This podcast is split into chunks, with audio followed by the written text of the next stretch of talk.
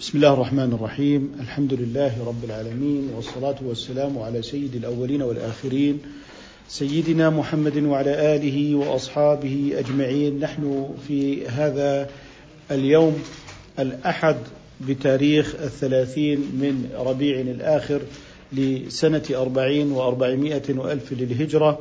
الموافق السادسة من كانون الثاني لسنة تسعة عشرة وألفين للميلاد وقد وصلنا إلى عند قول ابن أبي زيد رحمه الله تعالى واليمين بالله. تفضلوا دكتور أحمد. بسم الله الرحمن الرحيم الحمد لله رب العالمين والصلاة والسلام على نبينا محمد وعلى آله وصحبه أجمعين. يقول المصنف رحمه الله ونفعنا الله به وبكم في الدارين آمين. واليمين بالله الذي لا إله إلا هو ويحلف قائما وعند منبر الرسول صلى منبر وعند منبر الرسول صلى الله عليه وسلم في ربع دينار فأكثر. وفي غير المدينة يحلف في ذلك في الجامع وموضع يعظم منه ويحلف الكافر بالله حيث يعظم. طيب جزاكم الله خيرا. لما قلنا المنبر بمعنى إيه؟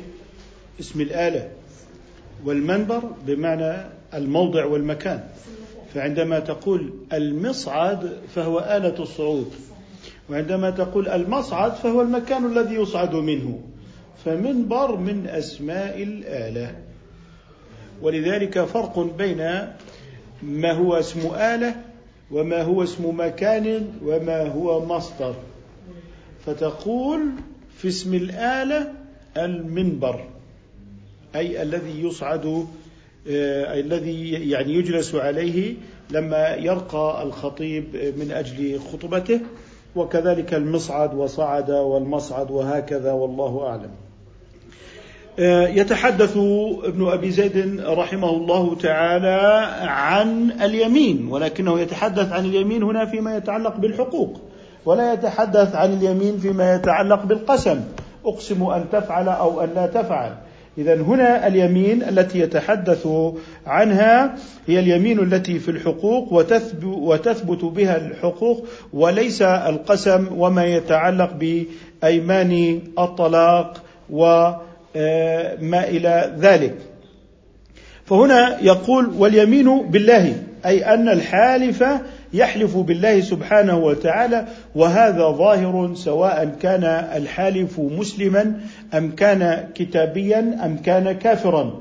بمعنى كافر مجوسي وإلا فما هو ليس مسلم فهو كافر. إنما نقول أحيانا يعبر الفقهاء بكلمة المجوسي للتعبير عما هو ليس من أهل الكتاب ليس من أهل الكتاب.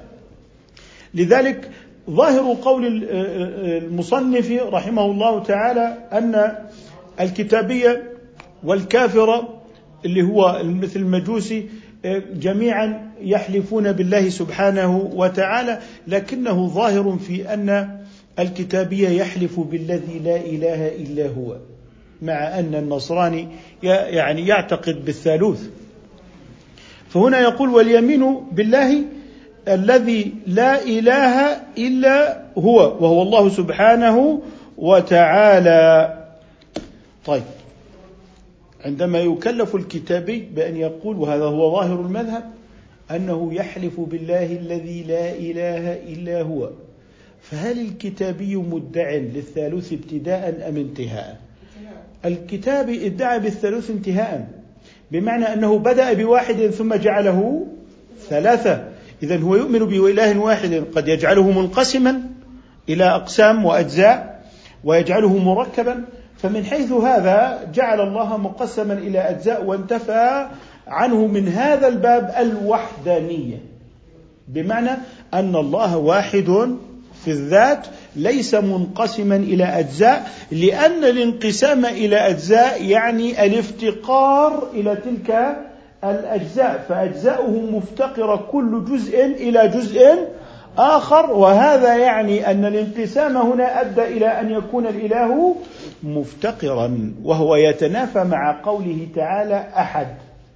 ففرق بين قل هو الله أحد وقل هو الله واحد. فقل هو الله أحد هي الهمزة هنا منقلبة عن الواو أي قل هو الله أصلها وحد كقول النابغة في معلقته كأني وقد زال النهار بنا بذي الجليل على مستأنس وحدي ويروى وحدي. اذا هو يريد أن يقول هو المنفرد. هو المنفرد الذي يريد أن يركب عليه ليصل إلى النعمان ليعتذر منه. فلذلك هنا ابتدأ النصراني ب واليهودي بالواحد لكن النصرانية انتهى إلى الثالوث واليهود انتهت إلى قولهم عزير بن الله. إذا نقول إنهم يقولون بالإله الواحد لكنهم ينتهون الشرك وتقسيم هذا الإله تلك القسمة الضيزة الظالمة التي هي مجافية عن الحق. اذا نقول إنه مشرك بالله بذاته. وكذلك من باب أولى بأفعاله وصفاته لأنه أصبح محتاجا إلى الإبن والزوجة وما إلى ذلك. اذا وإن كان بالإله الواحد فلا يعني أنه موحد. إذا ولو قال بالإله الواحد فهذا لا يعني أنه موحد لأن التوحيد لابد أن يكون فيه في الذات وهو ليس موحدا في الذات إنما قال بوجود إله واحد والذين قالوا بالإلهين هم الثانوية من المجوس. الذين قالوا به بالظلمة والنور أن النور هو إله الخير والظلمة إله الشر وبالتالي هم الذين قالوا بإيه؟ بالإلهين. أما النصارى قالوا بواحد ثم جعلوا الواحد ثلاثة فهم أشركوا بالذات ولم يعرفوا ربهم يوما. وكذلك العرب في الجاهلية وإن كان يقال لهم آه، يعني من خلق السماوات والأرض؟ يقولون الله. فهل يعني أنهم موحدون؟ ليسوا موحدين. هم لم يعرفوا الله تعالى في ذاته إنما قالوا بوجود خالق واحد. لكن هل عرفوا الله؟ لم يعرفوا الله يوما. وعليه ما يسمى بأن العرب في الجاهلية أو الأقوام السابقة على الإسلام أو الأقوام السابقة على الإسلام من عبدة الأصنام والكواكب والنجوم والنار وما إلى ذلك. قد وحدوا بالربوبية هو قول مجاف للتوحيد تماما. فالعرب في الجاهلية يقولون بوجود إله لكنهم لم يؤمنوا بذلك الإله على النحو الذي يبينه الشارع أن تؤمن بالله وليس أن تؤمن بوجود الله. فالذي جاء به الرسول صلى الله عليه وسلم الإيمان بالله وليس الإيمان بوجود إله. فالعرب لم يعرفوا توحيد الرب لأنهم لم يعرفوا ربهم. لذلك في قوله تعالى وإذا قيل لهم اسجدوا للرحمن قالوا وما الرحمن؟ أنسجد لما تأمرنا وزادهم نفورا. هؤلاء عرفوا ربا؟ لم يعرفوا ربهم في شيء من هذا أبدا البتة. ولذلك لا يقال هنا وأنا حريص على هذا التنبيه أنه بما أن المالكية يقولون بأن الكتاب يحلف بالله الذي لا إله إلا هو. على ما هو ظاهر المذهب أن يقال إذا حلفوا بذلك فإن عندهم توحيد الربوبية. هم مبتدئون بالإله الواحد لكنهم منتهون بالشرك لا محالة في الذات. فلذلك هم لم يعرفوا ربهم ولم يوحدوا ربا. لم يوحدوا ربا بل هم معتقدون في ذات الله الإشراك. وإن, ك... وإن قالوا بالإله الواحد. وكيف إذا هم لما يقال بالذي لا إله إلا هو وهم يحلفون أيضا بهذا ويقولون نحن نقول الله واحد والنصارى يقولون الله واحد لكنهم يقولون بالأقانيم بمعنى أنه إله واحد لكنه مشكل من أجزاء. إذا الإله واحد لكنه مشكل من إيه؟ من أجزاء. الذي يعطى حتى حتى الهندوس. حتى البوذيون يتكلمون بإله واحد لكنهم جعلوا له شركاء. لكنهم جعلوا لله سبحانه وتعالى في ذاته شركا. ولذلك العرب في الجاهلية قالوا بإله واحد. لكن هل يعني أنهم موحدون؟ ها هو القرآن ينطق عليهم. وإذا قيل لهم اسجدوا للرحمن قالوا وما الرحمن؟ إذا هم لم يعرفوا ربهم. لم يعرفوا ربهم. وأول سؤال في القبر من ربك؟ فإذا كان هذا موحد في الربوبية. وإذا كان هذا موحدا في الربوبية. فأبو جهل أول من يقول ربي الله لو أنه لو لو أنه موحد بالربوبية لكنه ليس موحدا. لكان قد أجاب على السؤال الأكبر. ولذلك العرب بالجاهلية والمشركون الذين دعاهم الأنبياء لم يكونوا موحدين لا بربوبية ولا بإلوهية وعندما نقول ذلك إنما نقول ذلك إنما هؤلاء القوم لم يعرفوا ربهم يوما. ولا ليلة ولا دقيقة إنما كانوا يعبدون شيئا آخر.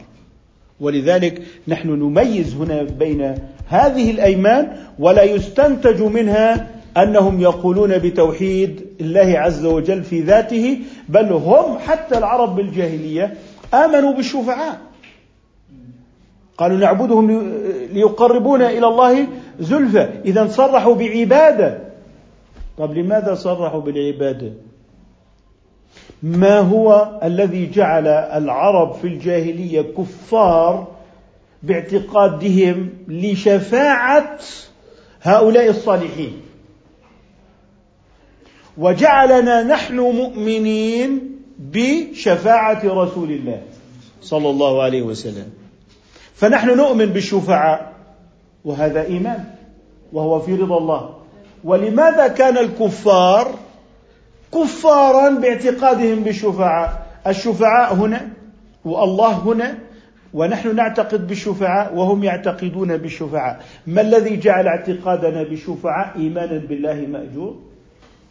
وجعل اعتقاد هؤلاء بالشفعاء موزورا. لماذا؟ اعتقاد فاسد في ذات الله. ما هو؟ نعطي مثال. هناك وزير عنده وكيل وزارة وأمين وزارة. هذا الوزير هو صاحب القرار. لكنه يدير هذه المؤسسة عن طريق هؤلاء الأعوان. لكن هؤلاء الأعوان ليسوا أصحاب قرار لكنهم مؤثرون في قرار الوزير. فإذا أحسنوا وأرادوا أن يعينوا موظفا فيدخلون على الوزير على أن لهم يدا عليه وهو أننا نعينك. ونحن لنا تأثير في قرارك. هذا هو اعتقاد العرب في الجاهلية. فجاءت آيات القرآن. ولا يشفعون إلا لمن ارتضى إلا بإذنه. اذا جاءت آيات القرآن الكريم لتبين الشفاعة عند الله تعالى بأنها بلا تأثير أبدا. لكن الكفار في الجاهلية اعتقدوا أن الشفاعة لآلهتهم مؤثرة في إيه؟ في الإرادة. فقالوا أجعل الآلهة إلها واحدا اذا هم معتقدون بالتأثير فلذلك هم كفروا باعتقادهم بالتأثير. التاثير في ماذا؟ التأثير في إرادة الله وأننا عندما نشفع فإنما نشفع بتأثيرنا بإرادتك كما يدخل المعين للوزير على الوزير ويقول له وافق أنت صاحب القرار لكنني أنا لي عندك يد وبالتالي عليك أن توافق. وعليكم السلام ورحمة الله وبركاته. بناء على هذا نقول إن الفرق بين اعتقادنا بالشفاعة أننا نقول الشفاعة لمن ارتضى وليس لأحد عنده من تأثير في الإرادة. فإذا كان العرب قد أشركوا في الإرادة والأمم أشركت في الإرادة فأي توحيد ربوبية عند هؤلاء؟ أليست الإرادة من صفات الله؟ ما ما هو توحيد الربوبية ما هو التوحيد الذي عندهم أضيف إلى ذلك إذا كان العرب في الجاهلية موحدين في الربوبية والعرب آه، في صالح موحدين وقوم هود موحد كانوا موحدين والأمم البوذيون موحدون وأن عندهم توحيد ربوبية. أليس هذا هو القدر المشترك بين الأديان الذي ينادي به اللادينيون وأن هناك توحيدا بين هذه الأمم؟ وبناء عليه. صحيح أنكم أيها المسلمون تقولون إذا من من يزعم منكم بتوحيد الربوبية صحيح أنكم تقولون إنه لا يكفي وأن من أشرك بالألوهية فإن عليه أن يموت في لعنة الله ثم يخلد في جهنم أبدا. نقول لك هذا صحيح ونحن لا ننكر ذلك أنك تقول به. لكننا نقول لك إنك جعلت التوحيد منقسما في الواقع وأن أصل الإيمان ينقسم وأن أصل الإيمان مركب. ونحن نقول لك إن أصل الإيمان لا يتركب. إما أن يأتي جميعا فيتحقق الإسلام والإيمان وإما أن ينتفي جميعا. لذلك أصل الإيمان إما أن يأتي كله وإما أن يذهب كله. هذا بالنسبة لأصل الإيمان. أما في الأعمال الظاهرة كالصلاة والزكاة والصيام والحج فإنه يزيد وينقص. لكن أصل الإيمان لا يزيد وينقص. وإن قلنا بذلك قلنا بتجزؤ أصل الإيمان بمعنى أنك تدخل الإيمان على دفعات بالتقسيط. أصل الإيمان لا يكون أقساطا إنما تدخل باستسلام كامل لإرادة الله وتوحيده وصفاته والتسليم الكامل بكل ما يأمر به من اللحظة الأولى. وعليه نقول إن أصل الإيمان لا ينقسم. آه قالت الأعراب آمنا قل لم تؤمنوا ولكن قولوا أسلمنا ولما يدخل الإيمان في قلوبكم إنما يتحدث عن كماله. لماذا؟ لأنه قال فيما بعد إنما المؤمنون الذين آمنوا بالله ورسوله ثم لم يرتابوا وجاهدوا بأموالهم وأنفسهم في سبيل الله أولئك هم الصادقون. إذا تحدث عن الرتبة العليا. آه طيب والغريب أنها في صفحة واحدة وفي سورة واحدة. قل لا تمنوا علي إسلامكم بل الله يمن عليكم أن هداكم للإيمان. إذا نفى عنهم الإيمان وأثبت لهم الإيمان. هل الذي نفاه هو عين الذي أثبته؟ لا. نفى كماله في الأول لكنه أثبت أصله في هذه الآية. بل الله يمن عليكم أن هداكم للإيمان. إذا هناك تفريق شرعي واضح بين كمال الإيمان في هذه الآيات وبين أصل الإيمان. أما أصل الإيمان فإنه لا يتفاوت البتة. وعليه لا نقول إنه يوجد في الواقع. وأنا اتكلم في الواقع لا أتكلم في الناحية النظرية. ويهمني أن أعبر عن الواقع أن الإيمان لا ينقسم في الواقع. بمعنى أن تجد هذا عربي جاهلي موحد ربوبية لكنه لم يوحد بالالوهيه هذا في الواقع غير موجود. الإيمان أصل ثابت. ممكن أقول توحيد الذات توحيد الأسماء والصفات. هل هي في الواقع منفصلة ولا هذا تقسيم من أجل التعليم؟ من أجل التعليم لكنه هل في الواقع منفصل؟ ليس منفصلا. طيب عندما أقول الإنسان يتكون من جذع ورأس وأطراف هل هو منقسم في الواقع؟ لكنني عندما قسمت هذه تقسيمة تقسيم تعليمي تقسيم من أجل التعليم. لو قلت ربوبية وألوهية من أجل التعليم وذهبت هذا المذهب لما كان عندنا إشكال. لكنك جعلته في الواقع منقسم بالأشخاص بمعنى هؤلاء في الواقع عندهم جزء من التوحيد لكنهم لم يكملوه. ولذلك نقول لك إن هذا هو الذي تسعى إليه العولمة في صناعة نموذج توحيدي مشترك بين الأديان كلها والمناداة بهذا النموذج الموحد للإنسانية. ورسم عيسى عليه الصلاة والسلام وهو يقف على أعتاب الأمم المتحدة ينتظر في هذه الديانة الجديدة. بمعنى أنه جاء ليدخل في هذا النموذج الإنساني الذي يجعل البوذي والهندوسي واليهودي والنصراني والمسلم وكافة الفئات التي تنادي بالمتعالي المقدس.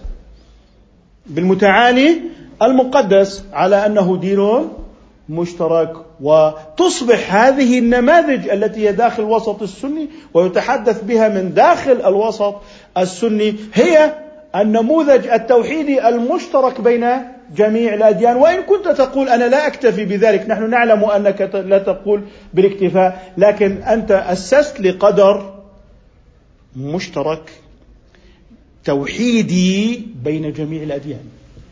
فجعلت قوم ثمود قوم صالح قوم فرعون وغيرهم جميعا موحدون توحيد ربوبية لكنك قلت هذا القسم لا يكفي. أكمل القسط الثاني.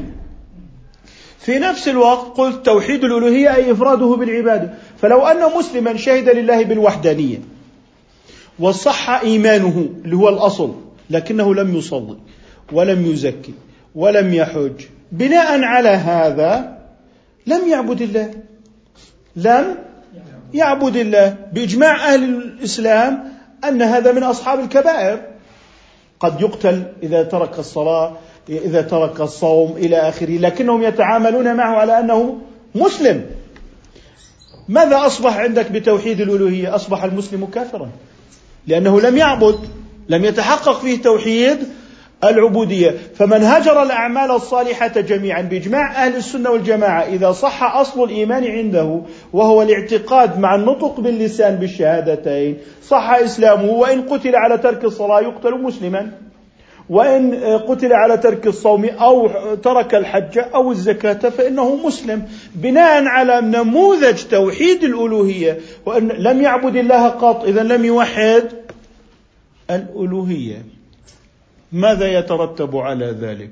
أصبح المشركون عندهم توحيد ربوبية كعرب الجاهلية وأصبح المسلم كافرا من خارج دائرة الإسلام. عبر هذا التقسيم الذي يقسم التوحيد في في الواقع الخارجي. في الواقع. اذا بناء عليه حكمنا بكفر المسلم بتوحيد الألوهية وحكمنا بتوحيد المشركين بالربوبية. ماذا أصاب الإيمان؟ ماذا أصاب الإيمان؟ الإيمان هتك ستره وهذا يتحدث به. ويتكلم به. لكن هناك خطورة كبيرة جدا أنه سيتأسس. الدين الذي يسعى إليه اللدنيون الدين الإنساني على قدر من التوحيد وهو المقدس المتعالي وهذا هو التوحيد. المقدس المتعالي. ينطبق على كفار العربيه في الجاهلية نعم. على عباد الصليب نعم. على اليهود نعم. على البوذيين على الهندوس نعم. على أصحاب الملل نعم. المقدس المتعالي. وهذا توحيد الربوبية كنموذج منشطر في الواقع هو يختم هذا التوجه تماما مع الأسف ويصيب الإيمان في في الإسلام في عقر داره. والرسول صلى الله عليه وسلم لما عرف الإيمان الشرعي قال أن تؤمن بالله ليس بوجود الله. قال أن تؤمن بالله وملائكته وكتبه. اذا التعريف الشرعي للإيمان أن تؤمن بالله لا أن تؤمن بوجود إله. وإلا فوجود الإله منتثر ومنشور بزوايا المعابد كلها. لذلك هنا عندما يقول الملكية أنه عندما يحلف بالله لا يعني أنه مؤمن بالله.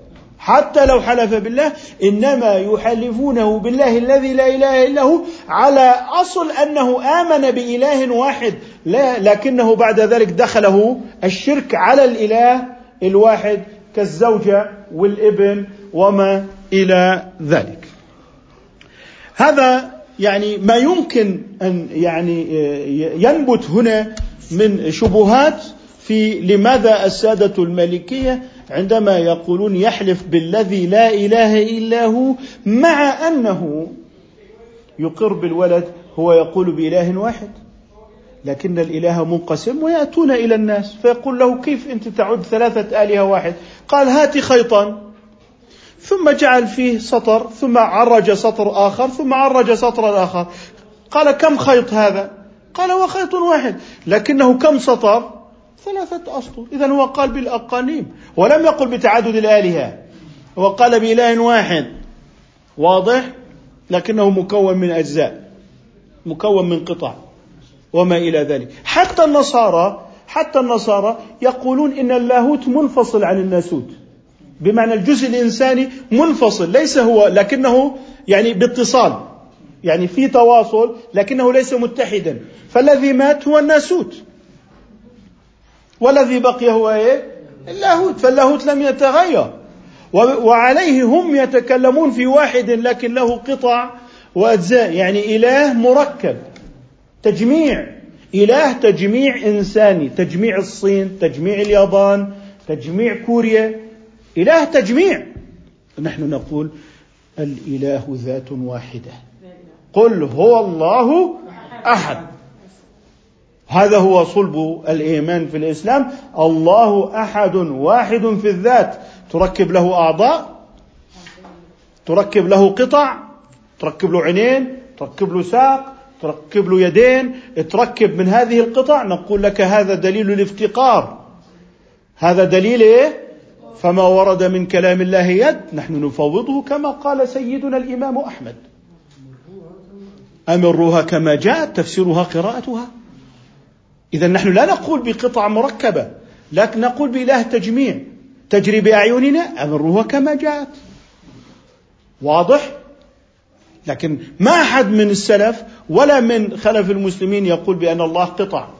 أعضاء وساق وعيون ووجه وجنب كما قال أحد غلاة المجسمة ألزموني كل شيء في صفات الله ما عدا اللحية والعورة. هذا قبيح؟ هذا قبيح لا نقول به لا نقول به البتة. لذلك عندما يتكلم هنا فيقول والله الذي لا إله إلا هو كان من كتاب نصراني أو يهودي فهو انطلاق من بداية إيمانه بإله واحد لكن خرج من ذلك الواحد التثليث أدخل على توحيده الشرك أدخل على توحيده الشرك. إذا هذا معنى قوله واليمين بالله الذي لا إله إلا هو. إذا في استشكال بالنسبة لكلام المالكية لا استشكال في هذا. حتى لو قال أقول لك الآن من النصارى من يقول نحن توحيد؟ نحن نقول بلا إله إلا الله. على الأصل عملناه مع الأصل. قال لك أنا قلت بإله واحد لكن هو أشرك بالقطع. يعني خلاه إله تجميع إنساني. ناسوت ولاهوت والأقانيم الثلاثة وما إلى ذلك. ونحن صراعنا في محاربة التجسيم اللي هو الإله المركب من أعضاء. الإله المركب من الأعضاء. فقلنا إن التركيب دلالة الافتقار أنه مفتقر إلى أجزاء وهذا الافتقار إلى الأجزاء لا يصح فيه أو أنه مفتقر إلى المكان ليجلس فيه أو أنه مفتقر إلى الزمان ليمر عليه إذا كانت له بداية. فالله منزه عن المكان ومنزه عن الزمان. فالزمان هو آنات الليل والنهار. ما معنى الزمان؟ هو الوقت المتولد من حركة الأفلاك. والله قبل الأفلاك. والله قبل الأفلاك. الأفلاك اللي هي الأجرام. يعني كيف يتولد الزمان على الأرض؟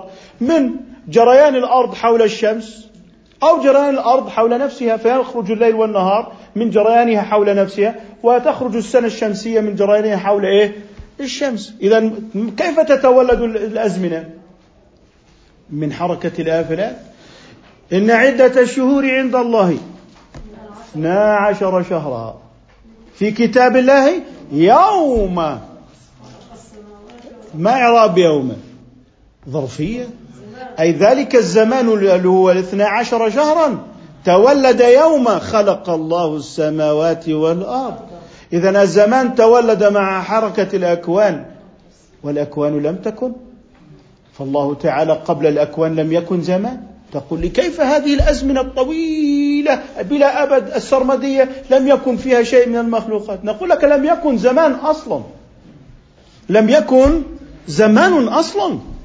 وهو مستعلن على كل شيء قبل أن يخلق الأشياء وبعد أن خلق الأشياء لم يزدد في علوه شيئا. ولو أنه أتلف الأكوان لم ينقص من علوه شيء. ابدا. لذلك الإيمان بالله سبحانه وتعالى الإيمان بصفات الله عز وجل هو ركيزة سجودك وصلاتك وصيامك. فإذا يعني الإنسان تاه في ربه فصلاته ستذهب إلى العنوان الغلط. فما هو ثمرة التعب والشقاء والجوع؟ إذا كانت الصلاة ستذهب إلى العنوان غير الصحيح. فأنت تعبد شيئا آخر. أنت تعبد ذاتا مركبة من الأب والابن والروح القدس أو تعبد إلها مركبا. أنت ركبته. لكن لو أنك تابعت أقوال السلف ووقفت عند حد السلف. أمروها كيف جاءت تفسيرها قراءته. الإمام مالك فيما لا يخفى عليك.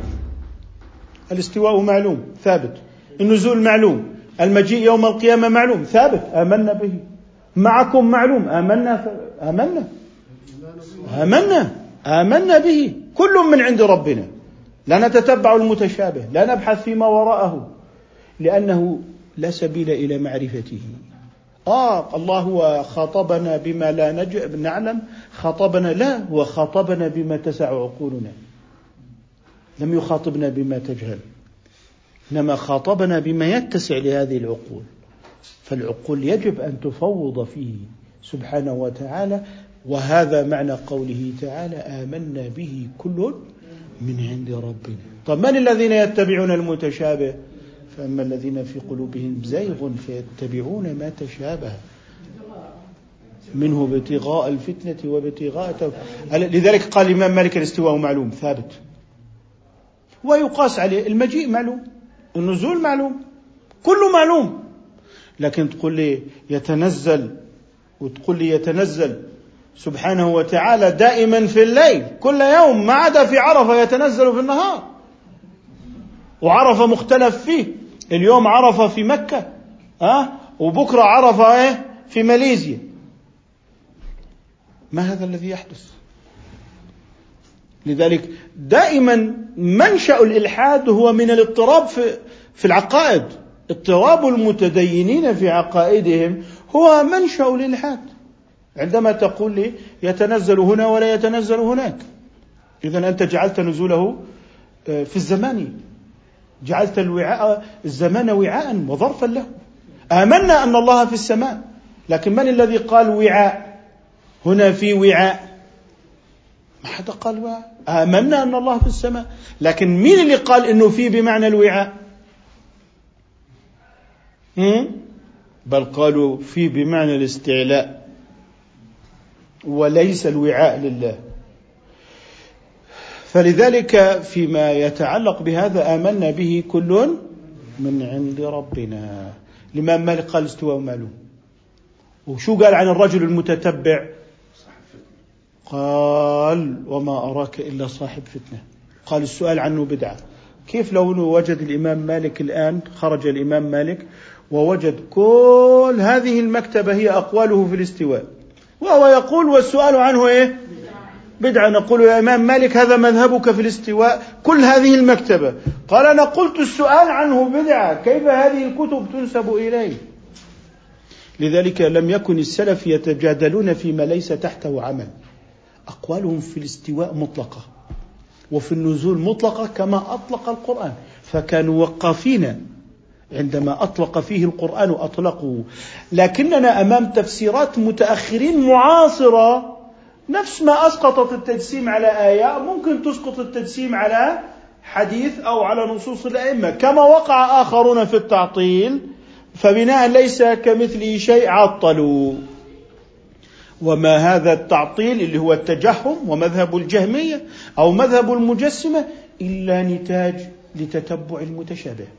ولو أنهم وقفوا عندما أوقفهم الشارع لنجوا. لذلك لم يكونوا يتحدثون فيما ليس تحته عمل. حديث مالك في الزكاة كم؟ كثير. وكذلك السلف كانت أحاديثهم دائما في إيه؟ في الفقه ليس في الصفات. لم يكن هناك إلا جدال مع الجهمية مع المجسمة الكرامية مع الخوارج. لكن داخل البيت السني لم يكن هناك جدل في موضوع الصفات لأنهم كانوا وقفين عندما أوقفهم الشارع. فنشأ التجهم وهو التعطيل أو التجسيم اللي هو الكرامية وما إلى ذلك من مثل هذه الطوائف إنما نتاج تتبع المتشابه. لكنك الآن إذا سألت في الصفات تجد أن كل الكتب في الصفات كل الصراع في الصفات. إذا سألت في زكاة النجارين والحدادين ستجد أن الكثير يسقط في أيديهم. لماذا؟ لأنهم تركوا ما تحته عمل وانشغلوا بالجدل والحق أن ينشغلوا به بالعمل وما تحته عمل وليس في الجدل آه، لذلك آه، يعني المآخذ والمدركات العقدية الإسلامية موجودة حتى في كتب الفروع وتجد في كتب الفروع هذا التفسير هنا كيف يقسم الكتابي على القول المعتمد عندنا والله الذي لا إله إلا هو. والنصراني يقول بالثالوث ستجد أن هناك تفسيرات علمية شرعية في هذا المجال. اذا قال يحلف بالله الذي لا إله إلا هو ويحلف قائما من أجل تغليظ اليمين. لابد أن يحلف قائما من أجل تغليظ اليمين. وتغلظ الأيمان في الهيئة والمكان. يعني يحلف واقفا؟ آه احلف في المسجد. احلف عند المنبر. واضح؟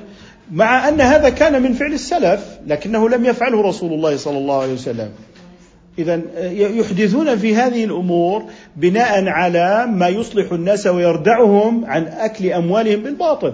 نحن عندنا في مجتمعاتنا نقول له احلف يمين يحلف لكن قل له ضع يدك على المصحف لا يحلف. يخاف. لماذا؟ طب إذا كان الحلف على المصحف رادعا والحلف بالله ليس رادعا. والحلف في المسجد رادع. وهناك دماء هناك قتل هناك رجم هناك جلد هناك أموال. ولذلك تغلظ الأيمان. ولذلك لو أحد قال هذه بدعة أن يحلف الرجل على المصحف في المحكمة نقول له ليست بدعة إنما هي وسائل والبدع لا تدخل. في الوسائل كما لا تدخل في المنبر كما لا تدخل في المحراب كما لا تدخل في المئذنة كما لا تدخل في السماعات سماعات المسجد. هذه وسائل. البدع لا تدخل في الوسائل وعندنا ما يعني نص السلف على الحلف في المسجد ومسجد الجمعة. ومسجد إيه؟ الجمعة. وعند المنبر إنما لأنهم يريدون أن يحكموا في دماء الناس. فيحتاطون لدماء الناس ويغلظون هذه الأيمان. ولاحظ ويحلف قائما عند منبر رسول صلى الله عليه وسلم. هذا مذهب مالك وهذا ما جرى به عمل السلف أيضا. طيب لو أن هناك من يقول لم يفعله رسول الله وهذا بدعة ولو كان خيرا لسبقونا إليه. نقول يا أخي هذا وسائل. هذا لا يناقش فيه. هذا لا يناقش في استحداثه لأنه منطوي حاد تحت الوسائل. في ربع دينار لاحظ نصاب القضية ربع دينار ذهب. ربع دينار ذهب يمكن يساوي اليوم ثلاثين, ثلاثين دينارا أردنيا. يعني يحلف على ثلاثين دينارا. كيف هؤلاء الذين نهبوا الملايين؟ على ماذا سيحلف هؤلاء؟ ما الذي سيردع هؤلاء؟ في ربع دينار ألاحظ أننا جعلنا نصاب. الآن مثلا في القانون القانون المدني إنه أي دين 100 دينار فاكثر لابد أن يوثق بالكتابة. طيب دعاوى العشرة آلاف عند محكمة مختصة. دون العشرة آلاف عند محكمة مختصة أخرى. إذا في اختصاص للمحاكم في أنصبة الدعوة من عشرة آلاف في نصاب للتوثيق بالكتابة وما إلى ذلك.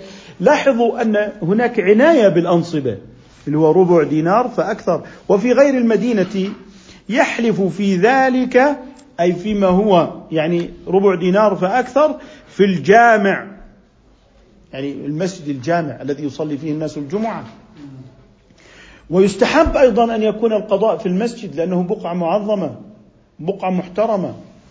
ويعظ آه، آه، إذا قال وفي موضع طبعا فيه التعظيم. هذا مثلا عند المحراب وهو موطن قبلة الإمام. الذي يتبعه جميع المصلين. إذا قال في وموضع يعظم أي من ذلك المكان إذا المكان معظم ولا يطلب منه أن يحلف مستقبلا القبلة ويمكن أن يعني الآن نتكلم عن وضع اليد على المصحف. وهذا كله في الأيمان التي يوجهها الحاكم.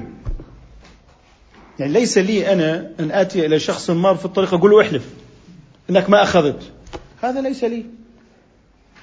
الأيمان التي نتكلم عنها هي الأيمان التي يوجهها الحاكم. ولما نتكلم عن الحاكم دائما عن إيه؟ هو القاضي. نتكلم عن من؟ نتكلم عن القاضي. إذا هذه الأيمان إما تكون موجهة من قبل القاضي أو من قبل شخص تم التوافق على تحكيمه. إنسان اتهم بسرقة لا يريدون أن يذهبوا إلى إيه؟ أو أخذ مال أو أنه عليه دين أو ما إلى ذلك. لا يريدون أن يتعبوا المحاكم والدعاوى وتسجيل الدعاوى وقلم المحكمة. قالوا تعالوا نحتكم إلى هذا الشخص. اتفق الخصمان على الاحتكام على إلى هذا الشخص. فقبل أن يحكم بينهم فله أن يوجه اليمين. له أن يوجه اليمين. وممكن هذا في القضاء العشائري يعني يكون موجود إنسان يتوافق على أنه حاكم لكن يشترط أنه إيه؟ ما يخالف الشرع. اللي هي دائما بنقول الإجماع والنص والقاعدة والقياس الجلي لا يخالفه. لذلك لابد من مراجعة العرف العشائري ومدى انسجامه مع أحكام الشريعة. وقد التقيت بأحد هؤلاء الإخوة وكان يتكلم عن موضوع العدوان اللي هو الاغتصاب. إنه كيف إحنا بنعوض؟ وشرح لي ذلك. قلت له مذهب مالك يعوض في الاغتصاب هكذا. فبدأ الرجل بالاهتمام بهذا الأمر قال نحن نريد أن نجلس نحن لا نريد أن نخالف شرعنا. لأنه أصلا القضاء العشائري بدأ مع الدولة العباسية وضعف الدولة العباسية فانكفأت العشائر العربية على القضاء فيما بينها. واضح؟ فالعرف العشائري ثم مع الأسف انحرف العرف العشائري في القضاء فدخلت عليه أمور شنيعة ومستقبحة تماما. ولذلك آه، يعني نحن نقول إنه لابد هؤلاء الإخوة الذين يحرصون على الدين وعلى الشرع إنهم يعني يعلموا وعندهم حرص أيضا على أن يعرفوا الشرع حتى لا يخالفوا الشريعة في هذا. قال وموضع يعظم أي من المسجد. موضع يعظم من المسجد. قال ويحلف الكافر بالله.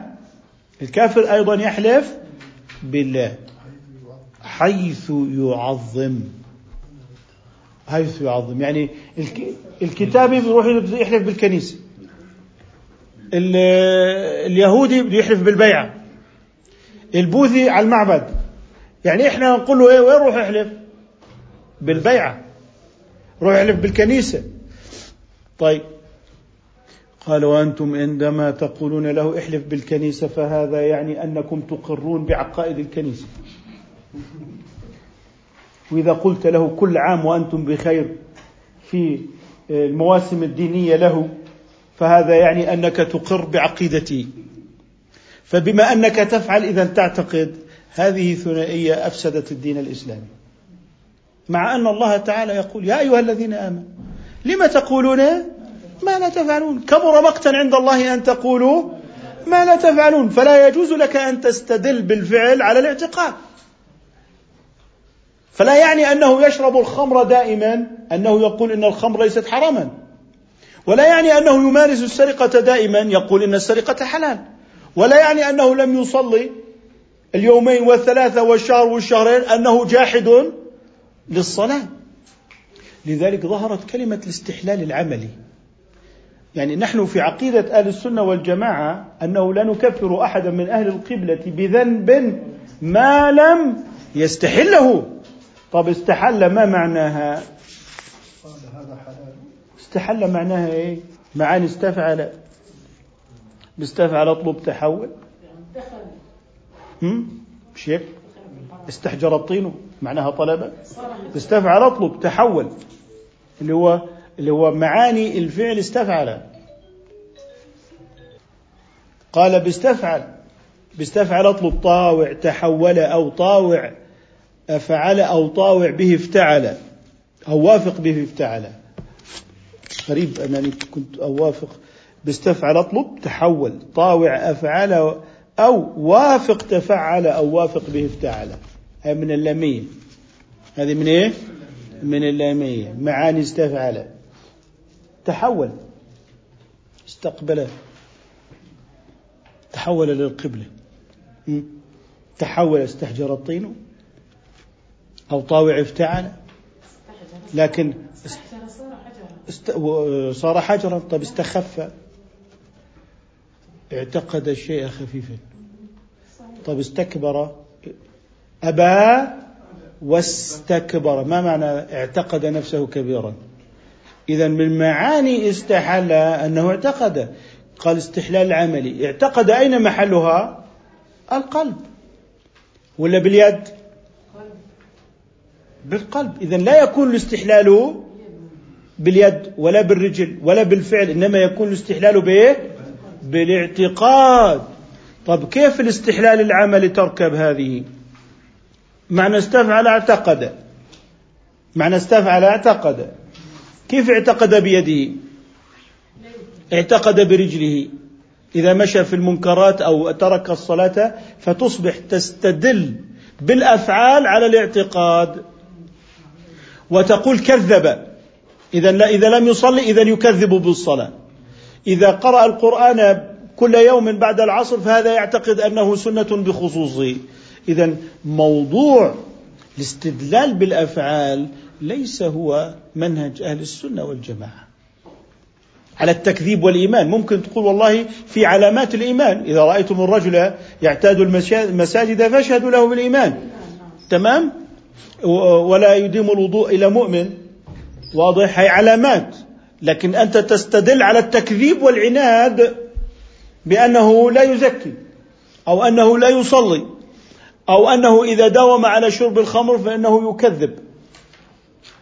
الشرع ويقول إن الخمر حلال، لذلك كلمة الاستحلال العملي تحتاج إلى مراجعة مراجعة كبيرة جدا. وإذا داوم عليه فإنه يعتقد يعني إذا أنت تصافح بعد الصلاة دائما فهذا يعتقد أنه يعني من مكملات الصلاة ومن سننها، من قال لك هذا؟ من قال لك هذا؟ إذا كنت تفعل ذلك وتتكرر لذلك نشأت آه، قاعدة مستحدثة من السنة ترك السنة. تصور آه، أين وصل التلبيس يعني أنه أنت أنا كنت دائما أصوم الاثنين والخميس لكنني اليوم لم أقدر على صوم الاثنين فأفطرت قال من السنة ترك السنة. هذه المقولة من أين جاءت؟ أنه إذا داوم فإنه يعتقد. فتفرع عنها أنه طالما أنك تترك السنة فهو سنة. إذا باطل بني على باطل وبدأ بالتحلل. بدأ بإيه؟ بالتحلل. لذلك لابد من الانتباه إلى مثل هذا. فلذلك لو قلنا إنه يحلف في كنيسته فهذا يعني أنكم تعتقدون أن الكنيسة صحيحة وأن هذه عقيدتكم هي الكنيسة. من قال لك هذا؟ نحن نريد أن نعظم الأيمان عنده. طيب في اللادينيين الملاحدة ما الذي سيعظم اليمين عنده؟ يعني الفكر اللاديني لا يؤمن بمقدس. تقول له احلف على ماذا؟ لا يؤمن بآخرة لا يؤمن بجزاء. لا يؤمن بمقدس أصلا. لذلك الفكر اللاديني أبعد ما يكون عن تحقيق العدالة في العالم. تماما لأنه يحول الإنسان إلى كائن بيولوجي. لذلك ممكن أن يهتم بالبيانات الحسية والمادية ويعطيها جانبا قويا مهما ولا يعطي للأيمان ولا يعطي للشهادة ولا يعطي لكلمة عدالة الشهود أي قيمة. ويعطي سلطة مطلقة للقاضي في تقدير قيمة هذه الشهادة.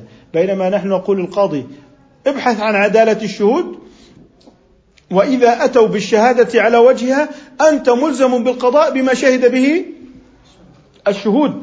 إذا نحن انتزعنا سلطة مطلقة من القاضي في تقدير الشهادة. لذلك في القانون الوضعي الشهادة مطلقة.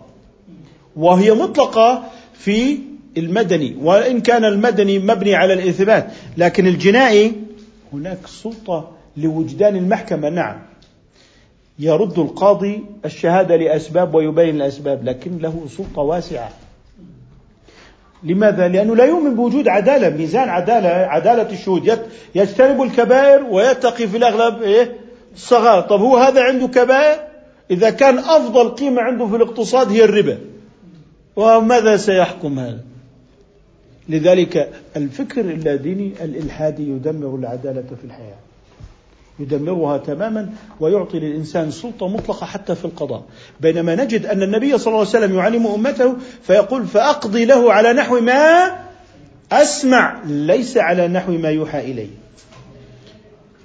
وهو النبي ليعلم أمته لا يوجد تفتيش لا يوجد كهنوت القضاء مبني على الظاهر والبينات وليس مبنيا على وجدان القاضي.